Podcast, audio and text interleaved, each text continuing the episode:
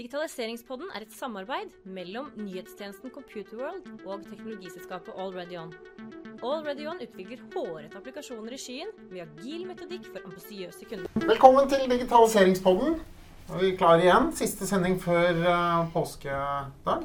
Ja, dette blir vel vårt uh, bidrag som påskeegg til lytterne der ute. ikke, ikke noe flakslodd denne gangen, men, men en podkast. Det skal dere få. Og ikke noe krim. Ikke noe krim. Nei. Nei, ikke som vi vet om i hvert fall. Nei. Uh, men det får vi se. Mm. Temaet i dag. Temaet i dag er AI. Kan du noe om AI, eller? Ai, ai. Eh, Nei, altså vi kan jo litt om Vi har vel alle hørt om AI, og det er jo sånn eh, et tema som, eh, som mange syns er spennende og kanskje litt mystisk. Så i dag så skal vi kanskje prøve å eh, få litt mer innsikt i det, få litt mer forståelse på det. Um, Avmystifisere det? Avmystifisere det kanskje litt, ja. Og da har vi fått med oss en ekstremt god kandidat til å hjelpe oss med det. Ja. Ja. En som er litt uh, hands on. Uh, så, så da får vi liksom ikke bare de konseptuelle svarene, men noen uh, mer konkrete, håper jeg. Ja. Så da vil jeg gjerne presentere og ønske velkommen uh, Erik Lang. Velkommen. Takk, takk. Takk for invitasjonen. Gleder meg. Ja. Du kommer jo fra et eh, selskap som heter Simplify, Stemmer det. og medgründer der. yes. Så et selskap som eh, meg og Bård Myrstart har startet sammen eh, fire år siden. Og at uh, nå har vi, vi Jeg fikk nettopp bekreftet fra HR at vi har runda 100 ansatte. Wow. Det nyeste ansattetallet er jo 107, så det har vært en veldig mye vekst i de siste årene. Mye av det er jo pga. AI-bølgen det vi rir på, men også det er hardt arbeid av alle sammen og godt mottak av markedet osv. Vi skal jo litt nærmere inn på å høre mer om det selskapet om litt. Men først, Dag. Først så må vi bli litt kjent med Erik Lang. Ja. Ehm, dette her er en kar som har bodd i alle verdens tre kontinenter Eller ja, i tre kontinenter, ikke alle kontinenter, for da har vi litt flere. men- Sørpolen har jeg ja, ikke nei, det har. Men du har bodd både i Asia, Europa og USA gjennom, eh, gjennom livet. Kan ikke du dra oss med litt gjennom eh, med reisen? Ja, det kan jeg. Så jeg er jo født i Hongkong. Da var det jo en britisk koloni. Nå er det en del av Kina. Bodde der helt til jeg var ti før jeg flytta til Norge. Og da har jeg faktisk bodd både i Oslo og i Namsos i Trøndelag. Så for dere som kjenner språket godt nok fra det jeg sier, så er det fortsatt litt trøndersdialekt igjen. Uh, ikke så mye. Batterø. Ja, Uh, ish. Jeg vet ikke.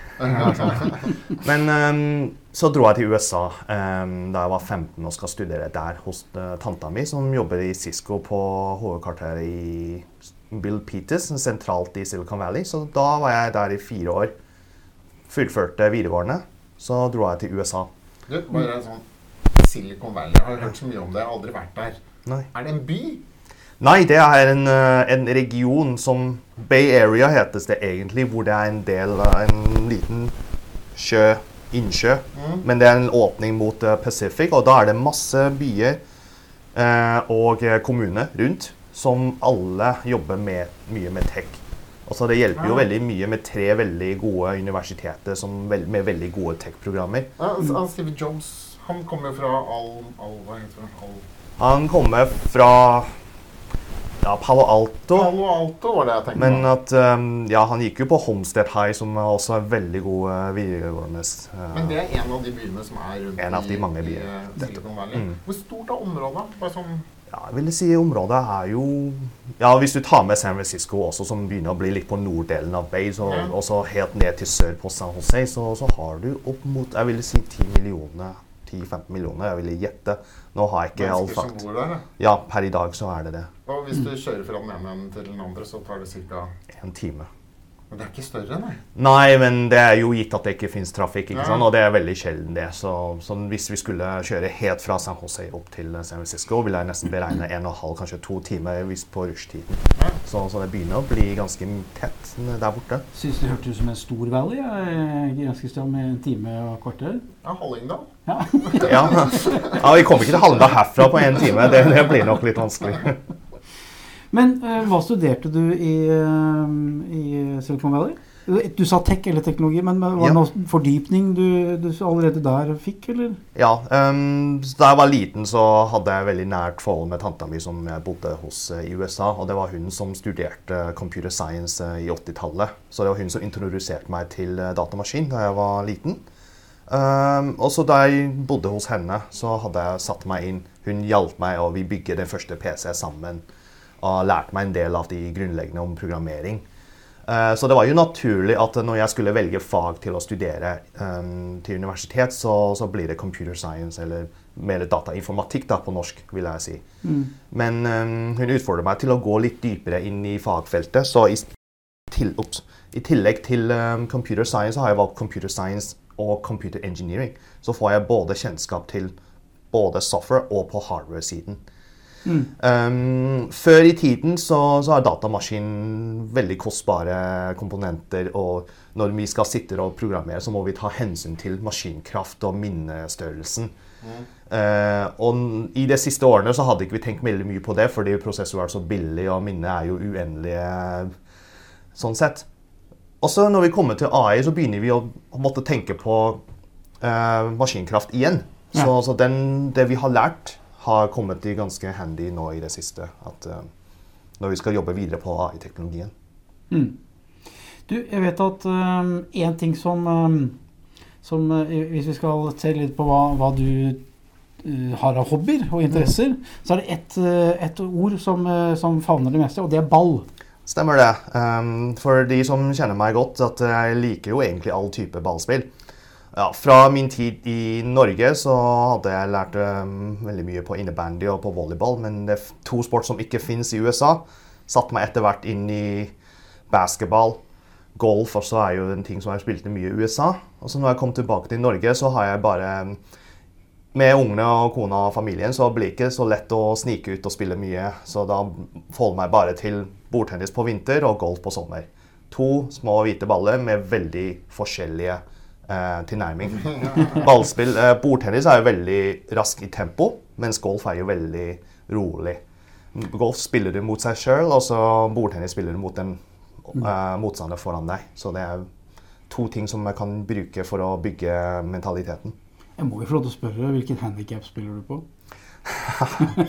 Det er eh, 22, så det er um, Da kan vi gå sammen. Jeg er 21, så da kan vi gå så Er kan ikke det da hele kan vi poenget med Ja. handikap? da, At eh, man skal kunne gå sammen? Jo, men man er alltid litt nysgjerrig på hva slags Ja, det, Det er jo det første ting man spør. ja, ja, ja, ja. For det er klart Hvis du går med en single handicapper, altså en som er under ti, så kjenner du allerede at pulsen stiger litt idet du skal gå i samme flight. da.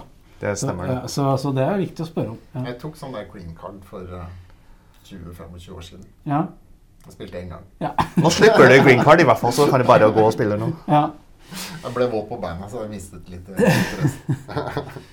Men um, Simplify. Ja. Vi må snakke litt om, om selskapet. Uh, du var jo så vidt innom det. Det er jo et AI-selskap. Dere har uh, fire år på baken og hatt en, en, en bra vekst så langt. Men hva, hva er egentlig grunnpilaren i selskapet? Hva, hva, hva driver dere med? ja. Så som navnet tilsier, vi, ønsker å jobbe noe med AI. Det er naturlig at vi har en AI i navnet. Og, og så tenkte vi hva, hva med AI? Hva skal vi gjøre? Det har vært det store spørsmålet. Så forenkling, automasjon, var jo den tanken bak. Så kom vi fram med navnet Simplify. Det å forenkle ting via AI. Og AI har jo i 2017, 2016-2017 har har jo vært en veldig populær tema. Alle snakker om det, og alle prøver å finne hva man kan gjøre med det. Um, så vi, um, i hvert fall fra min uh, tidligere jobb, så jobber jeg veldig mye med AI gjennom IBM Watson. Og da forstår jeg tidlig at dette teknologien kommer til å være mainstream i framtiden. Vi må finne en måte til å skape verdi, fordi jeg har vært en lang bakgrunn med B2B-løsninger. Så er det mot bedrifter. Bedrifter kjøper ikke løsninger uten en business case, verdiskapning.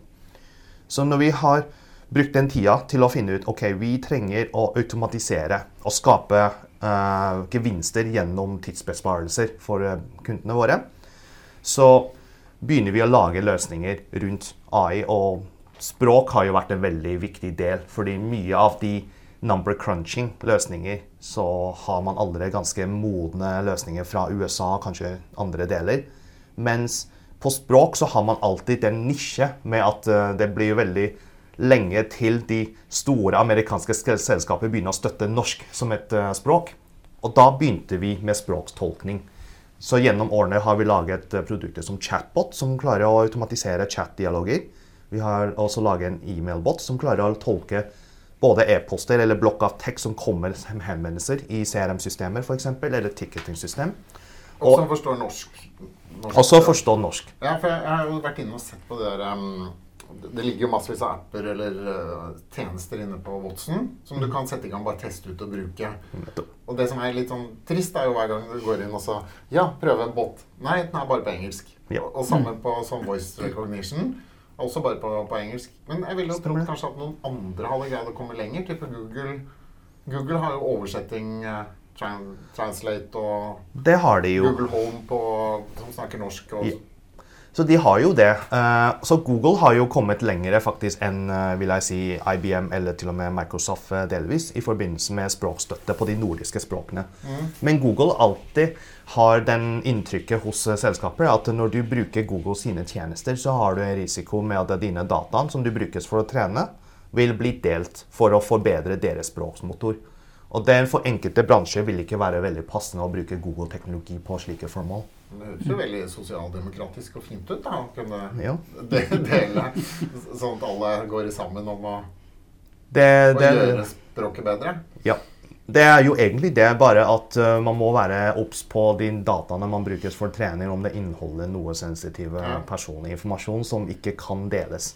Og det, det blir jo nok en litt lengre løp for å sensure disse personlige data. Men hvordan jobber dere med norsk? Har dere tatt den norske ordlisten og så lempet inn eller Ja. oversatt? Eller, og så- og så- Det, det, blir nesten det. Uh, hvis jeg skulle forklare med engel, uh, enkelt uh, norsk, så er det slik at uh, man først måtte bygge en språksmotor, maskinlæringsmodell, som klarer å forstå språk. Og det spiller lite rolle hva slags språk det er. Og så faktisk, som du sier, mater inn ordbok. Ja. Bare det, det er ikke en fysisk bok, men det er en, en ordliste av det norske språket, pluss grammatikk, setningsstrukturen. Og så skal den begynne å analysere basert på noen av de reglene man har gitt det. Og det er eh, på en overordnet nivå hvor dypt ned jeg klarer å forstå klarer å forklare. Men du må ha en mastergrad i, i norsk, da, eller? Med, med, subjekt og predikat og alle disse delene. Setningsoppbygningen. Heldigvis så er jeg ikke den personen som jobber på selve språket. Jeg, jeg klarer knapt å snakke norsk ordentlig. Så, så det, vi har jo eksperter på, på språket som hjelper oss for å trene den. Og så har vi data scientist med doktorgradet i fagfeltet som klarer å bygge en god og stødig språkmotor som klarer å få forstå språk. Men, ja, men altså, det som jeg bare tenker For å forstå en setning, så må man kanskje bryte den opp på den måten som man gjorde under i norskundervisningen på, Det stemmer, det. på barneskolen. Og, Ja. Ja, for, for ellers så skjønner du ikke hvem som er hovedpersonen i setningen, hvem som er Det stemmer. det. den omtalte personen i setningen. Mm. Ja? Ja, og det er den jobben som ble gjort eh, når man bygger språksmotoren til at, å ta unna eh, ordene fra en setningsstruktur. Og definere at dette er en verb, dette er en subjekt, dette er en objekt, og dette er en preposisjon og conjunction og Det høres ut som en ganske sånn, komplisert jobb da, å få til dette her. Det er det. Så vi er veldig heldige med å få tak i de ressursene, de ansatte vi har, som er veldig flinke på sine fagfelt. Som jobber flere måneder for å bygge opp den første versjonen av språkmotoren tidlig i 2017-2018. Hva med slang? Altså, Massevis av uttrykk eller måter vi snakker på, er jo også øh, ikke ordentlige eller hele setninger. Ja. Veldig ofte så, så, så kutter man ut uh, viktige deler av setningen fordi det er sånn man snakker, og ikke sånn man skriver hvis man skal skrive Både sleng og dialekt, ja. Det, Ja. ja. Sleng og dialekter for oss er jo en variasjon av ordet. Det, det, det er nesten som en synonym i, i vår verden. Ja. Eh, og det å si 'jeg er med', uh, det, det er jo sleng, det òg. Og norske folk de skriver jo egentlig i sin egen dialekt, så det er en ting tidlig vi måtte ta hensyn til. Også i tillegg så har vi disse slang på individuell industri. Vi hadde en, eh, en kunder som jobber med elektriker, og da sier de 'å få en karamell'. Ja. Det betyr ikke godteri. Er men- det, Ja, ja, er ikke sant? Og, og det er sånne ting som ikke nødvendigvis vi må ta hensyn til, men at de har mulighet til å legge til flere um, synonymer som etter deres behov. Og det har våre systemer støtte for. Så, Mm. Men det er jo ting vi alltid må bare sikre at vi tar hensyn til. Men det er jo krevende, krevende eh, som du sier, da, hvis det er så mye innsats som skal gjøres for å få det opp på norsk. Ja. Altså Hvis dere da skal uh, ut i den store verden, så er det klart e- engelsk er ett språk, men i Europa så er det jo ganske mange språk. Hvordan uh, Sitter man da med et team på per språk og jobber i Simplify, eller Ja, vi må, gjør det. vi må nok ha språkeksperter som forstår den språket til å verifisere og trene ah, i henhold til det språket. Og veien til å støtte ny språk er kort. Som sagt, vi hadde jo den språkmotoren som klarer å støtte språk. Særlig på, på de større språk og de latinbaserte språk som vi spisser veldig mye opp. Men hvis vi konkurrerer med Google og IBM og, og de på språk, så vil vi ikke komme veldig langt. Så, så jeg også måtte bare dra den fokusen bort fra selve teknologien i seg selv, men hva vi gjør med teknologien, hva vi bruker den til. Og det å skape automasjon, det å skape en språkmotor som klarer å lese henvendelsen og utføre oppgaver, det er noe som Google ikke har den interesse til å gå helt ned på den grøten. Og heller si at her har jeg en språkmotor som forstår alt mulig språk i verden. Vær så god, bygg din egen løsning. Og når du har selskap som Ja, men hva skal jeg gjøre med den? Å ja, her har vi Simplify som har hele pakka ferdig. Boom, jeg kjøper de heller. Det er den uh, oppmerksomhet og den uh, verdien vi ønsker å skape for kunden. Men et typisk system som dere ville lage, da dere, Jeg har jo forstått det sånn at du har eh, dokumentbot og e-postbot. Ja. En bot er jo en robot som, som kommuniserer med noen og, og gir, et, gir et svar. Altså hvis du sender en mail til noen, så skal noen prøve å tolke den mailen og så svare ja. noe tilbake igjen. Akkurat som en chatbot. Det er jo det. Uh, hvis, du går til våre, hvis dere går til våre hjemmesiden, det første ting du ser, er ansett en digital medarbeider. Det snakker ikke om e-mailbot, det snakker om documentbot. Fordi hvis vi ser på en ansatsperspektiv, hva gjør man på en daglig basis? Man mottar jo henvendelsen fra enten kunder eller kolleger eller eh, leverandører, som vil jo enten spørre om noe eller be om en aksjon til å bli utført. Og den evne til å forstå den innkomne henvendelsen, og forstå basert på erfaring hva som må gjøres med det, og utføre selve oppgaven, det er den essens av jobb i dagens arbeidshverdag.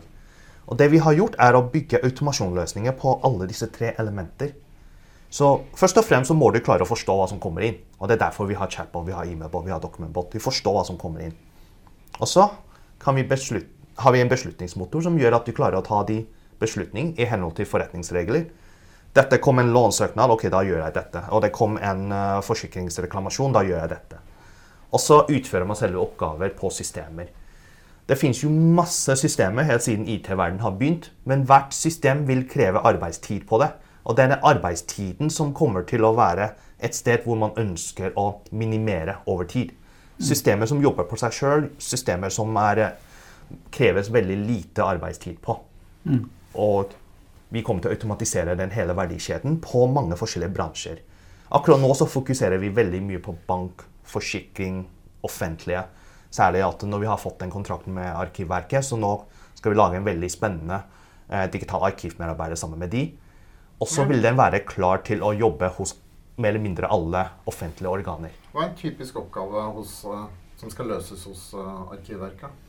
Ja, Arkivverket, Jeg kan ikke si veldig mye om detaljer, men Arkivverket de jobber jo mest med at, uh, å arkivere på de innkomne henvendelser som er arkivverdige og er journalpliktige.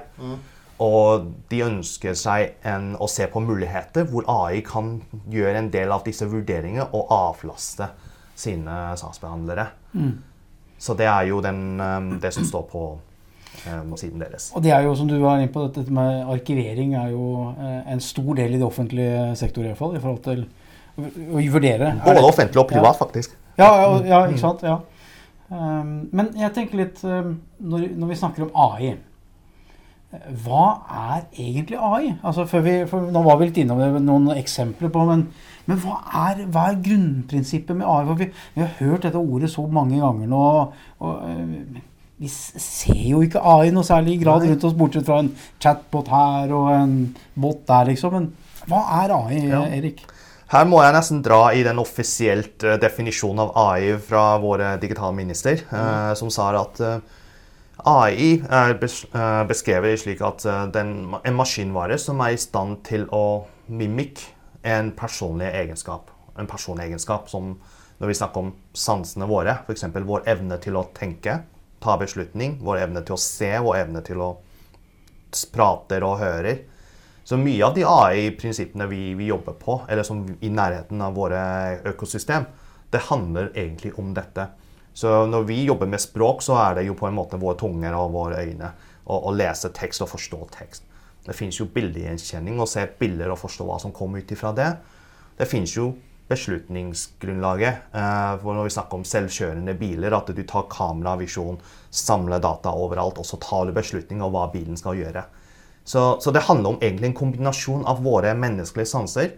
Kombinere den og automatisere beslutninger og produsere en utfall ut ifra det. Er det mulig å kategorisere disse AI Altså ja, AIs i, i noe sånt, putte dem i noen bokser, sånn at det er lettere å forholde seg til Ja, det, det fins jo eh, Gartner har gjort det, egentlig. og putte dem inn i forskjellige quadrants, sånn som vi kaller det. At de, de putter dem i forskjellige bøtter. Dette, dette er en gruppe av selskap som jobber med denne type teknologi, som computer vision f.eks. Um, og så har man i tillegg um, gruppering av Computervitsen er at du greier å tolke en video eller et bilde. ja, video og bilde. Altså synet ditt. Synet. Sansen. Ja, Ja, Nettopp. mm. Eh, alternativet er hva slags eh, eh, verdien den prøver å skape. F.eks. automasjon, intelligent process automation er jo en gruppe. Og da snakker jeg ikke om hvordan. Det er jo mye AI der inne, men det snakker om nøyaktig teknologi, men heller utfallet det man skaper. Så, så det er jo to forskjellige måter til å klassifisere teknologien på. Um, vi tilhører naturligvis i Intelligent Process Automation fordi vi automatiserer helhetlige. Men også har vi blitt dratt inn i en conversational AI um, grupp- eh, quadrant fordi at vi jobber jo mye med samtale. Selv om en e-post er en samtale. E-postdialog er en Ja. dialog. Så der er det veldig mye der også. Ja, audio, er det i samme kategori? Audio er jo ikke Det er jo lyd? til tekst og tekst til lyd. er jo en annen eh, populær teknologi, for det har man klart å få til. Um, og den biten det, det er jo noe som er litt på sida. Og så kombinerer du vision og lyd. Da har du video. Og så det, Jeg har jo blitt kjent med et selskap som jobber med å, å automatisk eh, sette rating på, video, på, på filmer. At uh, profanity og sånne ting som, som vil jo bli fanget opp, og så pekte det ut at ok, pga. disse scenene så burde det ha fått en rating til si 15 pluss. Og da, da slipper man å se på filmer én og én. Det, det er ganske mye tid det er brukt. Um, så, og da bruker de jo mye av den uh, vision og, og lyd, da. Høres ut som en ålreit jobb, egentlig. Jo, jo. Å se på film. Ja, det kan man si. når vi da er inne på dette med sanser, for det er det du AI skal erstatte sansene våre, eller automatisere de. Men da er det jo noen sanser som kanskje er litt vanskeligere enn andre. Vi har, nå har vi vært innom de enkle, syn og Ja. hørsel og tale. Men hva med lukt og, og, smak, ja. og, smak og sånne ting? Altså, Klarer vi å gjøre noe der? Ja da. Um, jeg vet jo Har jo vært borti en uh, research lab hos IBM um, da jeg fortsatt jobber i den gamle jobben. Og da hadde de jo fortalt at de allerede jobber på det. Og hvis vi skal tenke veldig naturvitenskapelig på, på lukt, så er det ikke mer enn at disse molekylene som flyter rundt, som skaper den lukta i nesen. Så hvis vi klarer å gjenkjenne og mappe hvilken type molekyler, hvilken type kemikalier skaper hvilken type lukt, så kan man faktisk tolke lukta med en sensor, selvfølgelig. Da, da er det ikke øre og øyne, men da har du sensor som fanger opp disse molekylene og tolker hva er det som er der. Det må være litt finmekanikk i en sånn Veldig. ja. Og i hvert fall hvis du skal gjøre det real time, sånn som vår egen nese gjør, da. Ja. Eh, som jobber ganske raskt. Og, og tenk på det motsatte, at uh, begynner, TV-en begynner å sprute ut disse molekylene som skaper lukter når du ser på kokekanal, uh, ja, matlaging. Nei, det, da tror jeg, nei, det tror jeg ikke vi var med på. Da, tror jeg, dette- da kjøper jeg mye rart for Dette har online. du gjort eh, tidligere. Du lagde sånne eh, luktfilmer. Ja. Da du fikk ned sånn der eh, det, lite kort som du skrapte på. Og alle satt i kinosalen og så skrapte på nummer fem, for det kom opp på skjermen. Ja. Og da luktet det promp. det var vel det som var lettest også.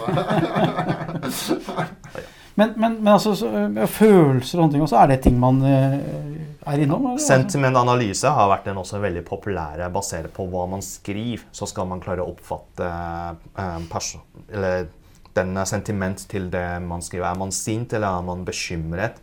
Og så Hvis du klarer å kombinere med ansiktsuttrykk på en video, så, så blir det enda mer tydeligere. Eh, og det er jo blitt en veldig ofte søkt etter eh, felt i kundeservice, fordi man ønsker å behandle sine kunder bedre. og Man ønsker å ta inn den data uh, og fange opp den biten av informasjon før man skisserer et svar til kunden. Fordi når vi sitter og leser e-poster, så for oss er det Oi, en person virker veldig sint, og så man blir jo litt mer forsiktig når man skisserer svaret. Og det er den vi prøver å, å skape også gjennom våre løsninger. Og noen bruker jo ironi når de er irritert. Dette var jeg veldig fornøyd med. Ja, ikke sant? Og så en, eh, en stum not etter. Og er det mulig å, å fange opp?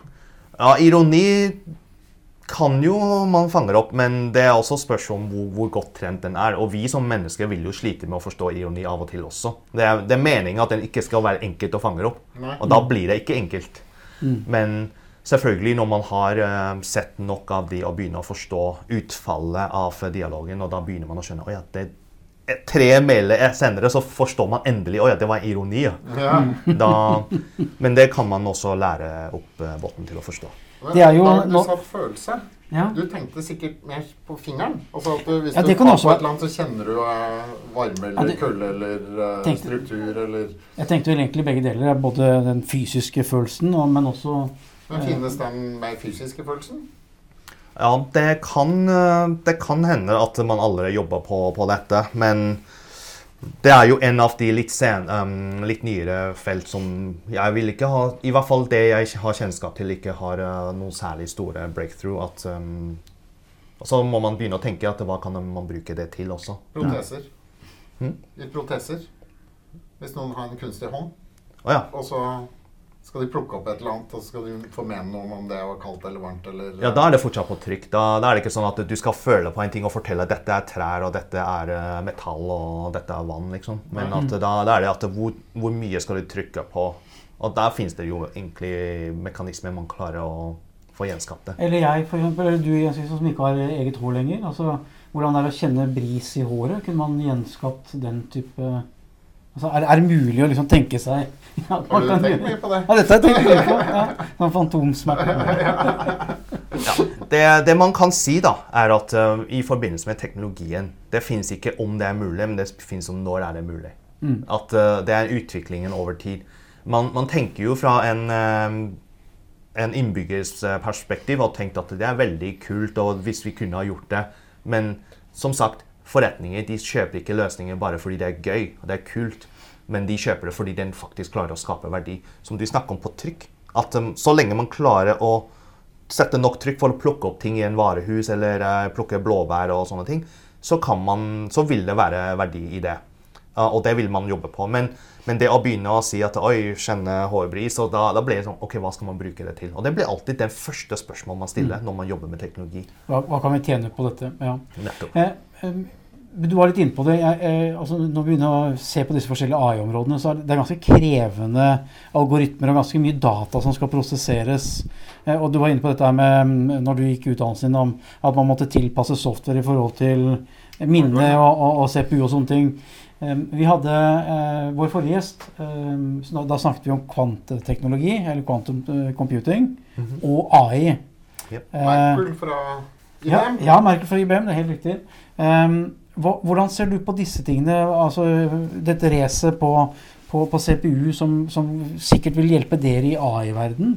Ja, eh, det er mange som venter på akkurat på den biten også, eh, med tanken på Når vi jobber på AI maskinlæring, og den mengden av data som du snakker om, å gå gjennom den og trene dem og tolke det, den, den kreves en ganske mye maskinkraft. Og det er ikke vanlig CPU-er som sitter i PC nå, og det er vi snakker om GPU-er. Maskinkraften som man bruker nå på mining av bitcoin, men også ikke minst grafikkortet sine, sine, sine CPU. Ja. Og, og likevel så har den en begrensning når vi snakker om å, å analysere billionrader av data per sekund. Og, og da begynner man å nærme seg den grensen til hva en GPU kan også få til, eller hvor mange GPU må du putte sammen. Er GPU-er mer sånn riskbasert? Uh, reduced eh, Nå er, nå er vi på nå, nå må jeg grave inn i skolebøkene mine universitet for å, for å få dem fram. Men det vi, det vi Den snakket det siste Apple-chipen, den er jo risk-basert. Mm. Det var det man brukte i Unix-maskiner i gamle dager. Det gikk Ja. mye raskere. Men de kunne ikke gjøre så mye. Så det var mer snevert område, og da kunne du få gjort Mm. Men det, det vi snakket om eh, forrige gang, var jo eh, dette med at det binære tallsystemet At man har begynt å makse ut på det potensialet man har da, med å bruke 0-1. Eh, Ja.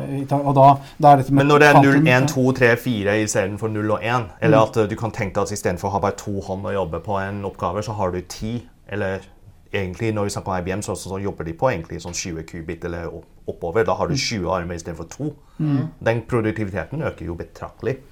Uh, så mye av det vi ønsker å gå videre, at det var jo en av de holy grail man alltid strekker seg til, at å lage en maskin som er smartere enn person. Man lager en maskin som klarer å slå personen i sjakk, i go, i alt mulig, i jeopardy. Men det å faktisk å ha en maskin som blir oppfattet som en like smart eller smartere enn enkel person, den kreves fortsatt fordi det er allmennskunnskapen man måtte ta hensyn til. Når jeg stiller spørsmål til dere hva 1 pluss 1, så er det kanskje dere ville ha svart 2, men egentlig så er det ikke nødvendigvis det. Man må ta hensyn til alt kunnskap det man har. 1 pluss 1 kan være større enn 2 når vi snakker om forretning, kan være 10 hvis vi snakker om binærtall. Så, så det er mye kunnskap man må få, få uh, inn i boksen. Og den treningsjobben den kommer til å utgjøre en altfor stor belastning av dagens uh, strukturen av arkitekturen. Og med quantum computer ser jeg for meg at vi kan ha en maskin som kan gjøre den jobben mye fortere. Ting som ville ha tatt det flere hundre år, kan ta noen timer. Og det vil jo ha sette opp farten på videreutvikling av AI. Og jeg ser at vi nærmer oss eh, en liten slump hvor vi sliter med å få forbedring i AI pga. maskinkapasitet. Så jeg er veldig spent på det. Jeg har sett en sånn i IBM Laben, og det var en veldig spennende arbeidsdag for meg da jeg besøkte det i Genève. Ja, og vi kommer til å se det at måleenheten fremover kommer til å være type 20 qubit, som sier noe om hvor mange, altså hvor mange nuller og ener eller toer eller tre eller fire som, som det går. Er det det som kommer til å måle farten? Omtrent som bits og megahertz i gamle dager. Nei, Det blir litt for teknisk for meg å forklare med den kunnskapen jeg har, men i hvert fall slik jeg forstår det, så er det meningen at eh, når du har beslutninger som går på flere variasjoner, så må du ha flere ja-nei-beslutninger med dagens eh, struktur, mens du klarer å håndtere flere alternative variasjoner ut ifra Det blir mer komplekse spørsmål man greier å besvare. Eh, fortell om den eh, besøket på den teknolaben til eh, Ja, um, så? Det begynner å bli noen år siden, men eh, vi fikk jo invitasjon fra IBM til å besøke de. eh, og da hadde de jo veldig mye forskning som skjer der inne, og noen av de ting som de demonstrerte. Um, som de klarer å demonstrere. Og det var jo bl.a. der vi snakker om å, å se på lukt da, og bygge automasjon rundt det. Eller bygge AI rundt det. Og så var det et rom som innenfor en lab som var ganske stødig. Den vil ikke bevege seg mer enn noen nanometer om gangen. Eh, selv, ja, og det er jo forbudt å bygge tog eller noe sånt rundt det også. Det er veldig stødig. Og, og der inne så, så sitter det en type rør som jeg vet at det er dere som googler på Quantum Machine ville se hvordan det ser ut. Og det er jo å holde disse molekyler, eh, atomet, til eh, minus 273 grader celsius. Og holde så stabilt at du kan faktisk jobbe med det og forstå. Fordi i en atom, elektroner flyter jo rundt eh, veldig raske, og det blir jo veldig vanskelig å predikere hvor det havner. Så du må kjøle det ned til et visst punkt for at du kan faktisk begynne å jobbe med det. Nei, jeg er ikke helt med. For jeg, altså, jeg vet at atom er veldig, veldig lite. Og, men i et atom så har du noe Er det nøytroner og protoner? Det er protoner og nøytroner i sentralen, og så har du elektroner som går litt sånn fritt eh, rundt. eh, Ikke fritt, da, men det er jo det er viss pattern som den beveger seg på. Og de, altså de elektronene har noe med kvantumcomputeren å gjøre. Uh, den bevegelse, den er ehm, Hva skal jeg si? Um, det blir også litt vanskelig. Jeg studerte på engelsk, og så må jeg konvertere det til norsk. Men Ta det at- på det engelsk hvis det er bedre. Det er helt greit. Ja. Det finnes en viss pattern rundt hvordan de kommer til å befinne seg, de elektronene. der. For Og, hvert den, enkelt grunnstoff, da, eller? nei, for, ja, for hvert enkelt grunnstoff og for, eh, for de elektronene som befinner seg på den grunnstoffet. Og den studien heter quantum mechanics. Ja. Og det å jobbe på slik at eh, du klarer å predikere, eller du klarer å styre slash predikere når disse elektronene kommer til å befinne seg, for å lese verdien ut ifra det, det er eh, den essens til å jobbe på. Så du har jo egentlig mange variasjoner av disse elektronene hvor de kan befinne seg, og de forskjellige states, sånn som det kalles. Da kan du lese de statusene og si at ok, dette er 0, dette er 1, dette er 2, dette er 3, 4, 5 osv. Uh, Jeg- jeg Nå er vi på veldig, veldig dypt. Hvordan, Dette er jo så forferdelig lite. Hvordan greier man å lese hvor Det må dere spørre IBM. Jeg beklager at nå begynner vi jo såpass dypt i teknologien at eh, jeg, vi mister jo ganske mange eh, hørere også når vi begynner på den måten.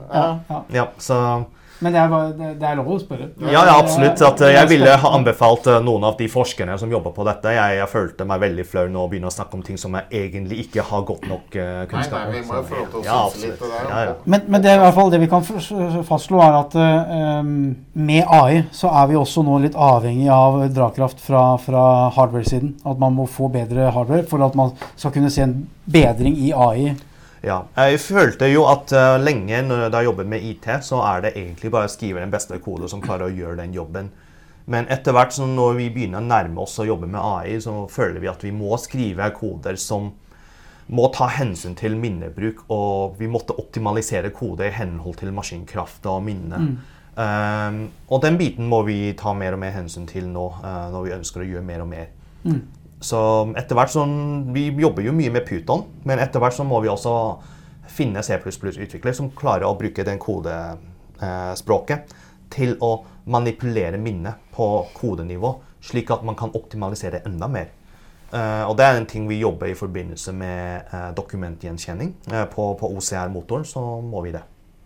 Ja, det har jeg forstått. Vi hadde jo Kalle fra Fishwell på besøk her for, Ja. for et halvt år siden.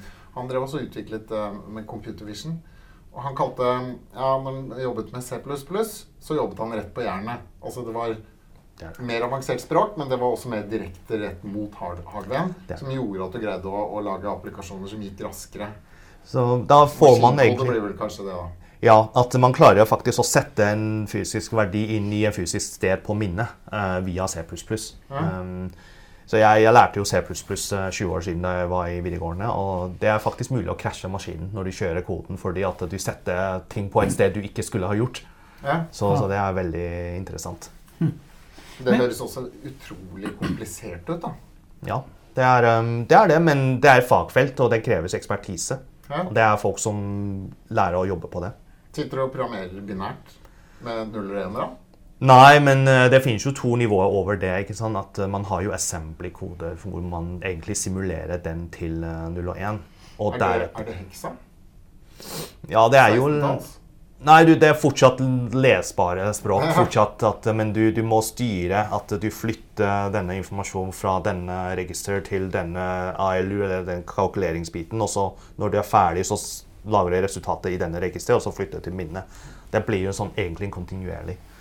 Jeg liker veldig å grave inn i tech. Altså, at eh, jeg følte at dette nesten har blitt en sånn universitetskurs. Ja, ja, du kan ta betalt for, for, for timen. Men, men. Python er liksom det som er hoved... Ja, Det er Python er ganske versatil, uh, versatile, hvis det ja, Jeg vet ikke norsk ord på det, men det kan brukes til veldig mye, og det er ganske fleksibelt. Og det er det som har blitt valgt som teknologispråk eh, i Simplify når vi jobber med den kjerneteknologien på språkmotor. Men Er det for at Python er mest AI-vennlig, eh, eller er det andre grunner til at dere har valgt Ja, eh, det finnes to camp. Pyton Python er én, og R er den andre. R er jo innsett som egentlig en mer eh, spisset mot AI-språk. Men eh, der må jeg stole på våre kompetanse til å kjøre den teknologivalg. Det er, husk at eh, fra mitt ståsted det handler fortsatt om å skape verdi for bedrifter. Mm. Og om man gjør det med Python eller med R, det er på en måte en vurdering som vår tekniker må ta, som ikke jeg må forklare til våre kunder. Det er nesten som at eh, Jeg vet ikke om dere har jo bil, og om hvilken metall motorpistolen bruker. Nå, det er den diskusjonen vi har nå, på en måte. At eh, det, det er kanskje noe på enkelte tilfeller er irrelevante på det store bildet, men det er veldig viktig på den teknologiutviklingen. Men Python har jeg hørt mest om. Det er den mest brukte Men Python har jo også vært et, um, et lavterskel utviklingsspråk også. Altså i sikkert eh, 20 år. Men Ja. jeg husker å ha hørt om Python. Så at det er lett å komme i gang og lære seg Python. Så tror jeg Python har utviklet seg til å, til å bli et AI-språk de siste årene. Ja. Uh, Dette er bare synsing eller gjetting fra min side, for sånn jeg opplevde verden. Ja. Når du har en språk som er enkelt å bruke Når vi sier enkelt å bruke, det er jo hvor nært uh, menneskelig språk det er. Fordi når den ligner mer på engelsk, så, så blir det enklere for en person til å sette seg inn i. Eh, og når den klarer å få gjøre mye uh, med de standardbibliotek, f.eks. når du har flere utviklere på den, så blir det utviklet mer standardbibliotek som du kan ta i bruk, og da kan du gjøre mer enn det med det. Så over tid så har Python utviklet seg til å bli en ganske versatile språk med masse standardbiblioteker man kan bruke for å komme fort i gang. Og da blir det veldig convenient når man skal jobbe med ny teknologi også. Python er også ikke bare på AI, men også veldig populær for robotics, f.eks. Og at hvordan det skal styre en, eh, en maskin til Ja. å gå rundt og sånne ting. Du, eh, En ting som, eh, som slår meg litt når vi snakker om AI, som jeg tror kanskje mange lurer litt på, det er jo eh, i, i dag, altså Hvis man går inn i et selskap i dag, og så ser man på IT-landskapet, så har man masse applikasjoner og teknologier og sånne ting. Men hvordan, eh, det høres jo veldig komplekst ut. og plutselig liksom, Hvordan får man AI inn i, eh, imellom dette her, da? Og, få installert det slik at det fungerer? Det høres komplekst ut. Ja, det, det er det. At um, når man ser på AI som er en sort uh, boks, hvor man ikke vet hvor den skal plasseres, så, så er det veldig enkelt at man har en slik oppfatning. Men vi som jobber med teknologi, anser alltid at teknologi er et verktøy som skal hjelpe oss til å, komme, til å gjøre det ting vi ønsker å gjøre. Raskere, fortere, tryggere. Uh, og hvis vi snakker om en verktøykasse, vi ønsker å bygge et hus, så befinner vi sånn som sag, boremaskin eller um, hammer og sånne ting. Og hvis en dag en person kommer og sier du, du har en håndheld du, at uh, vi har en motorsag. Dette kommer til å hjelpe deg til å bygge huset raskere. Og det får en snekker det it makes perfect sense. Da er det ikke mer å bare ta i bruk, fordi de vet jo hvordan. Og, og istedenfor at du, du setter en motorsag på en markedsplass, eller sitter på gata og sier at dette er en veldig ny motorsag, dette kommer til å skape en endring i verden. Folk klør seg i hodet. Hva skal jeg med den, liksom? Så en verktøy må havne på riktig person og ha den visjonen til hvordan dette skal skape verdi for den. En verktøy blir jo egentlig verdiløse hvis den havner på feil hånd. Eller kanskje verre at den skaper skade. Du kan skade deg selv med motorsag. det, det har jeg hørt om uh, før. Men at uh, den verste fall at den, den blir bare sittende og samle denne støv. Og jeg har jo lånt en motorsag, men jeg tør bare ikke å bruke den. Og den har jo satt i garasjen for uh, et halvt år. Så vi må tenke på hva verktøyet skal brukes til. Hvis vi snakker om AI som en generelt Det blir jo nesten som å gå fra håndhellverktøy til en motorverktøy. Du har motorsag, du har motorboremaskin, eh, og så alt mulig. Ja. Og det er det som er framtiden. At vi begynner å bruke ting som kreves veldig mye manuelt arbeid for å få det til, til at ting blir jo litt mer automatisk. Alt du trenger på å trykke på en knapp, og så har du det. Det er den revolusjonen vi skaper i de verktøyene vi har for å gjøre alt mulig fra IT-support til um, registrering til um, prosessering. Um, ting som kreves delvis ekspertiser også. Så de ulike AI-motorene skal egentlig plugges inn i eksisterende applikasjoner. Da. Så hvis du har et regnskapssystem, så skal du få hjelp med det. Har du et, et mailsystem, Mm. så plugger du på deres uh, AI-løsning som, som driver med mail-robotisering. Ja. I første omgang så er det det. Mange prøver å si at det, siden disse motorverktøyene kommer til å skape en forskjell i vår eh, arbeidshverdag, så la oss tenke litt om hvordan vi skal jobbe i framtiden og den digitaliseringsløpet før vi tar i bruk de teknologien. Og det funker ikke. De må gå sammen. Du må bruke verktøyene og få erfaring fra disse verktøyene før du får ideen til hvordan du kan jobbe mer effektivt og kanskje endre litt på prosessene. Um, når du bygger et hus fra noe som tar ett år til eh, tre måneder, Det skaper en forskjell på de andre deler av prosjekter. Men du vil ikke klare å implementere en tre måneders prosjekt mens du innfører maskinverktøy. Det, det må jo komme i rekkefølge og kanskje parallelt. Ja. Så det er veldig viktig å ha det på tanken er at AI er avansert verktøy som erstatter noen av de manuelle verktøy. Fordi alternativet til AI er menneskekraft. Det er jo fullt mulig å la være å bruke AI og bare ansette 100 stykker og gjøre jobben. Men i Norge så har vi, eh, vi, vi mangler litt arbeidskraft, for å si det sånn. For å si det mildt. Også på AI-siden. Men er det, er det sånn da at eh, deres AI-teknologi eh, kobler seg på da de forskjellige applikasjonene mellom applikasjonene? Altså mye integrasjoner eh, som skal på plass. Eh, så dere må være gode på å forstå de forskjellige applikasjonene dere skal inn og gjøre noe sammen med, eller? Ja, eh, det er det. Når vi ser på hva gjør vi når vi eh, ansetter folk i, i Norge, bortsett fra selgerne eller sjefer, så er det jo ganske stor andel av arbeidskraft i Norge som har en daglig jobb til å flytte informasjon fra et sted til et annet. Kanskje ikke, ikke bussjåfør eller taxisjåfør, men, men du har kundeservice, du har prosjektleder, du har business analyst, du har programmerer, utviklere til og med, at, eh, som egentlig jobber med å flytte informasjon fra et sted til et annet. Du leser informasjon fra mailen, du leser informasjon fra instruksjoner, og så flytter, kopierer du den inn i et eller annet system. Du får disse der jobbene til å høres litt meningsløse ut. det Men jeg, kona mi hadde den første jobben som egentlig prosesserer purchase order for sitt selskap, og det er 1000 purchase order hun må prosessere i løpet av en dag på Ja. Excel. Ikke sant? Og det er egentlig bare å kopiere selv fra et system til Excel, eller motsatt. Det, det, noen av de kan virke sånn. Og så er det spørsmål vi bør stille oss som, en samfunn, som et samfunn. Hvorfor sitter vi med så mye arbeidskraft som gjør den biten av jobben som egentlig mennesket ikke er best evne til å gjøre? Ja. Kunne ikke vi ha jobbet på noe annet? Det finnes, du kan jo finne folk som eh, på, på en daglig arbeid og sier ja, men jeg hadde jo egentlig hobby å bli en artist. Og så Dag her har jo vært Oslo-mester i bordtennis. Ja. Eh, og, og det betyr jo egentlig at eh, folk har jo egentlig en ting som man egentlig har lyst til å gjøre, men man får ikke betalt godt nok for å gjøre det, og man sitter igjen med den jobben.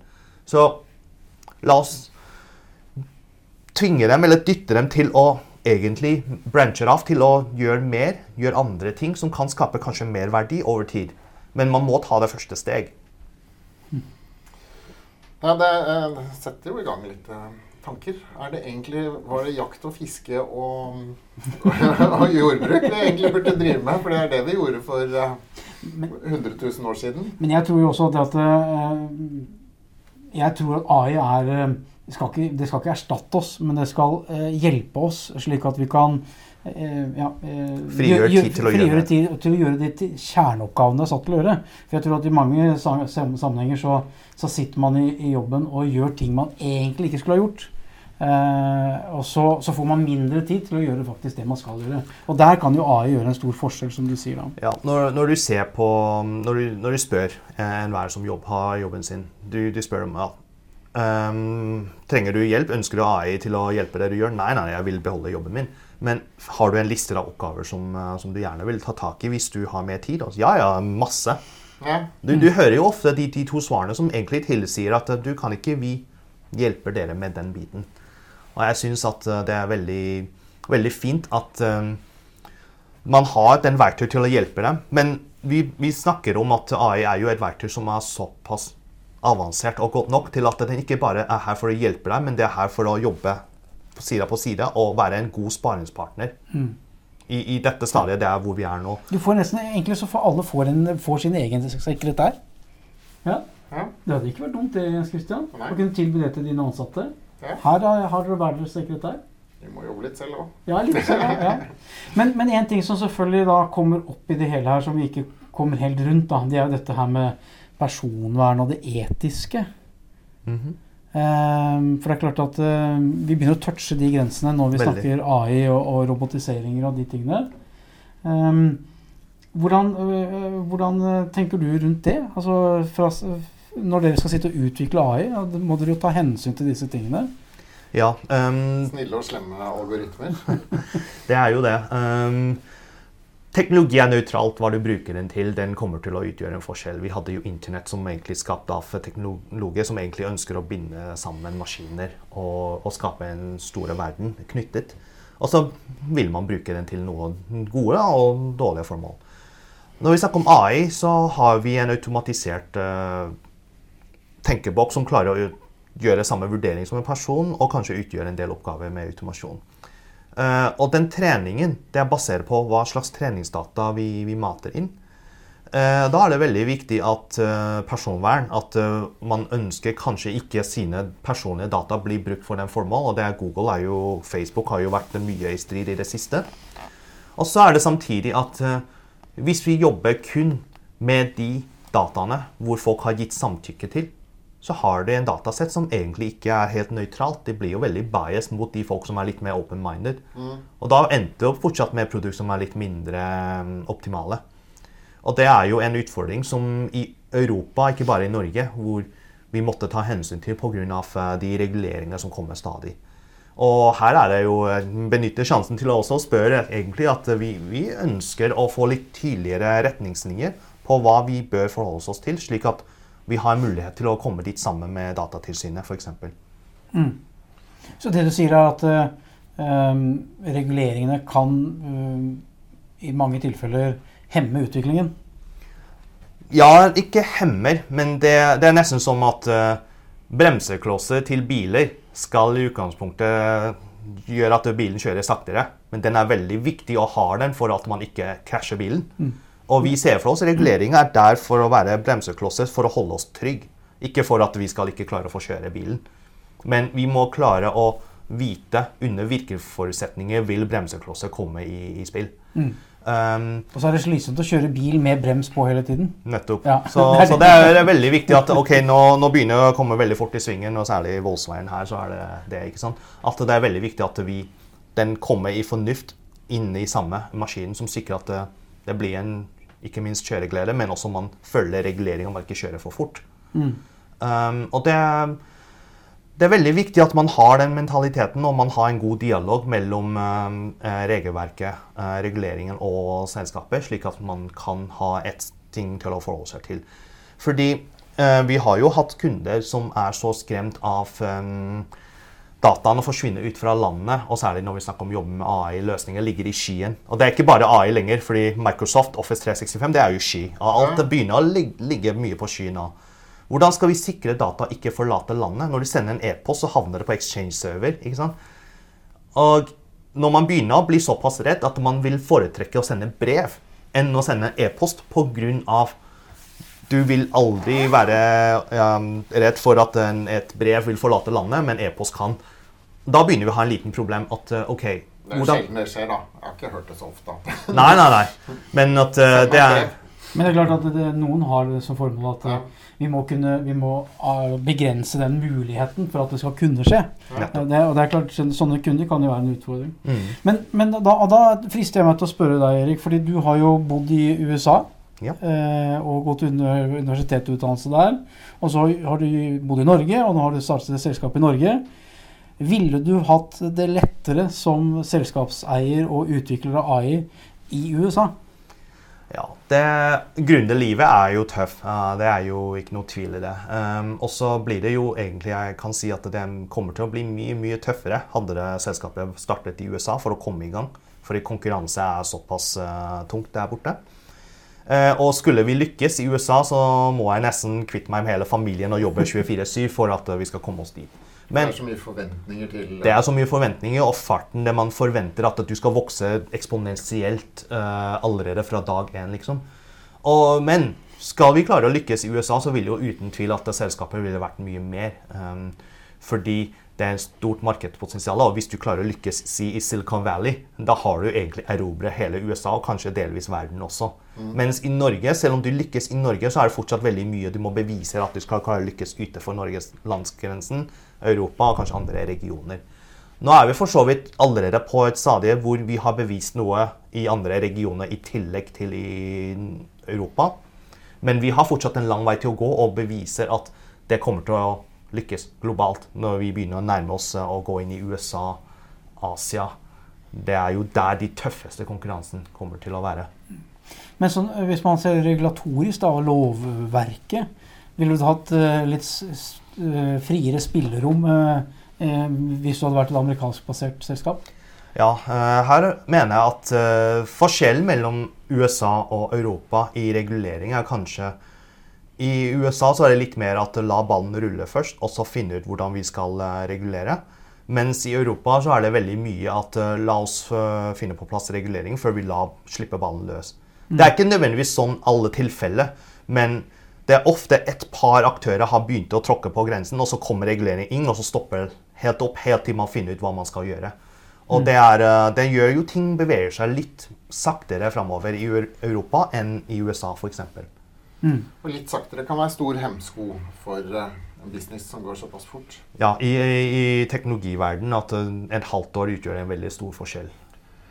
Jeg sier vi, vi begynner å nærme oss Slutten? Slutten? Ja. ja. Da tror jeg vi skal prøve oss på, på det, det, siste spørsmålet i dag. Standardspørsmålet som vi stiller alle våre lyttere. Og nå, eh, så, nå kom det litt frykt i, i øynene på Erik. ja, jeg ser det. Eh, og det er eh, Hvis du skulle få lov til å velge hvem du ville høre på som gjest i Digitaliseringspodden, hvem skulle det vært? Ja, um, som en uh, gründer så vil jeg jo selvfølgelig høre noen suksesshistorier fra noen suksessrike gründer i suksessrike selskaper. Mm. Uh, og hvis jeg skulle velge fram uh, en nå, så er jo selvfølgelig uten tvil Kahoot er jo det selskapet som har gjort det, det best ut fra Norge akkurat nå. Så ja, hvis, hvis dere klarer å få inn Eilert, så kommer dette til å bli veldig, veldig bra. Eilert fra Kahoot, det må vi jo få til.